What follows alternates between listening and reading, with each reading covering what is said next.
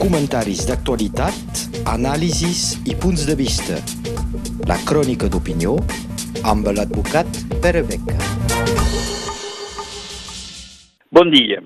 Quan sentireu aquesta crònica, que és l'última de l'any 2021, estarem a la vigília del Cap d'Any, és a dir, un moment en el qual generalment pensem, desitgem per al futur, prometem a vegades o esperem el que pugui ser aquest any nou 2022. Un moment de recomençar un any en projectes i amb una manera d'estar que està evidentment molt condicionada per la situació tal com la vivim. Estem en un món molt incert. Molt incert per què? La pandèmia, evidentment, aquesta pandèmia anomenada Covid-19, però que ara ja estem entrant al 22 i que encara va seguint i que sembla que no s'hagi d'acabar mai.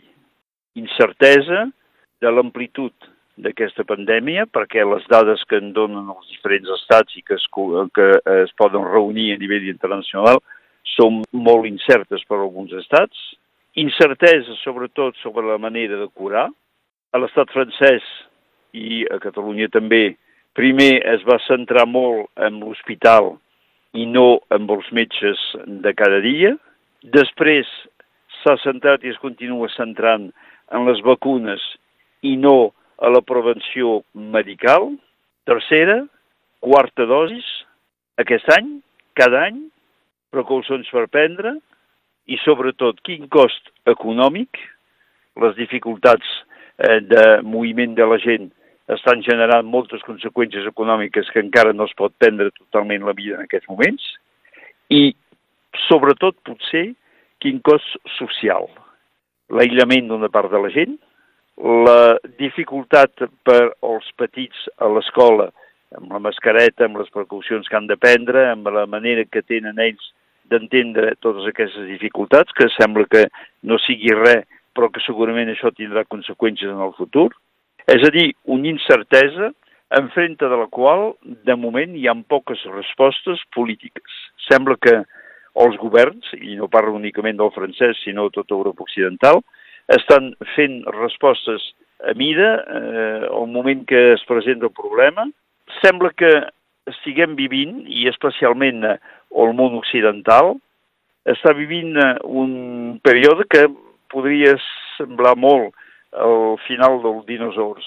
Érem els molt potents a través del món, érem, érem els que controlaven la tecnologia, i ara, per un petit virus, tot això està caiguent.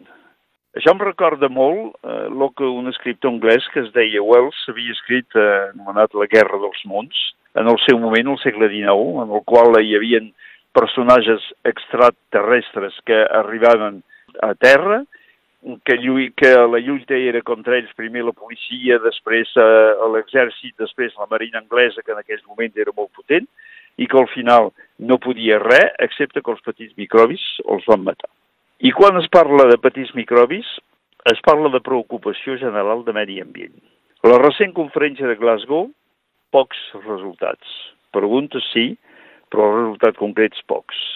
Una presa de consciència difícil de la part dels estats i sembla normal que sigui difícil perquè de moment no els estats i la gent no estaven directament afectats i això no podia tenir una conseqüència immediata sobre la llur voluntat política, la llur expressió a través d'eleccions. Però sí que es veu que tots aquests problemes de medi ambient, com els del virus, estan cada dia més afectant el model de benestar social i de benestar econòmic, que, era el que feia la prosperitat del món capitalista occidental, i que potser la pregunta és, aquest món pot continuar? Pot continuar davant de les conseqüències que semblen irreversibles? La falta d'energia, si no es troba solucions compensatòries, es anirà provocant obligatòriament la necessitat de gastar menys? La pujada de les aigües, les tormentes, la sequera, tindrà conseqüències eh, sobre eh, de l'agricultura i especialment en països poc preparats, eh, falta d'aigua, productes afectats per malalties, eh, per um, bèsties eh, nocives que puguin aparèixer, i també la dificultat lligada a la falta de transport que afecta totes les indústries, tot l'aspecte alimentari, tota la producció agrícola i també l'activitat turística, que això tindrà per conseqüència bàsicament d'afectar primer els països dits emergents, és a dir, aquests països precisament que més ho necessiten. Un món molt incert que s'obre en aquest 2022. Un món també molt insegur, perquè estàvem parlant de conseqüències per països pobres. Les migracions es van amplificant. A través del món sempre n'hi ha hagut, sempre ha existit i hem de recordar que, per exemple, al segle XIX, als Estats Units es van construir amb les, migracions europees, d'italians, d'irlandesos, de jueus, de gent vinguts d'Europa de l'Est, tots aquests que van constituir aquesta nació, que precisament en aquests moments està intentant prohibir més l'immigració. Perquè el problema no és únicament de l'immigració, sinó de la manera de tractar l'immigració. Pocs països han acceptat l'idea que el seu creixement era condicionat per l'arribada d'una mà d'obra una mà d'obra que tenia primer la voluntat d'integrar-se i de treballar i segona la capacitat innovatòria. I actualment la reacció de molts països, Estats Units en primer, eh, de cara a gent vinguda d'Amèrica del Sud, però també a Europa de cara a gent eh, de l'Orient Mitjà o d'Europa de l'Est, és de tancar, de tancar les perspectives de futur per als immigrants, però també de tancar les perspectives d'utilització d'aquests immigrants per millorar la seva activitat econòmica. La resposta securitària o repressiva mai ha sigut una resposta prou eficaç i especialment en democràcies les respostes d'aquest tipus són més respostes degudes al funcionament eh, de països autocràtics o dictatorials. I el que fa Europa Occidental en subcontractar aquest tractament, com ho feia amb Líbia en el seu moment i que ho està fent amb Turquia, tampoc pot ser una solució a llarg termini, perquè llavors Europa es troba sota la pressió d'aquests països, i ho veiem cada dia amb la política agressiva que està portant Turquia de cara a Europa.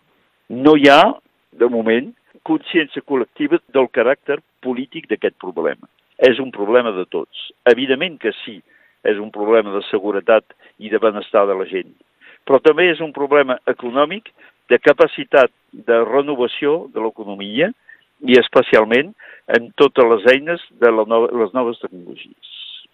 I enfrente d'això, inseguretat per l'utilització de les eines de, democràtiques clàssiques. Sí que es parla molt, es debat molt per televisió, per xarxes socials, tothom té la seva opinió, tothom la pot expressar.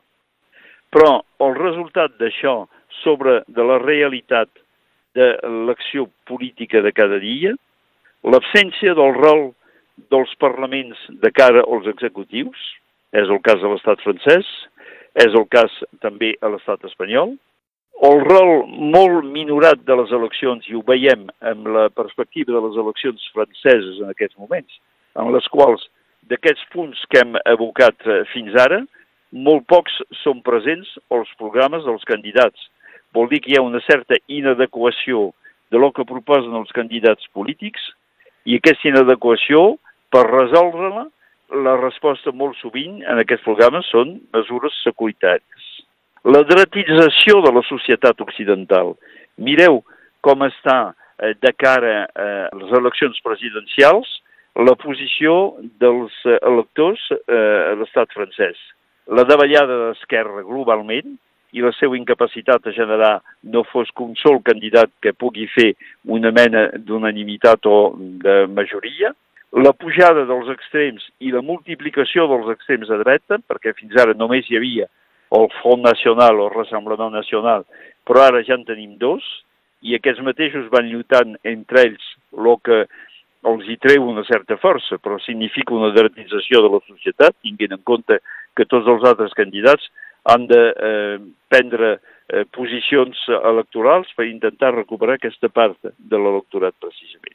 I a l'estat espanyol passa igual.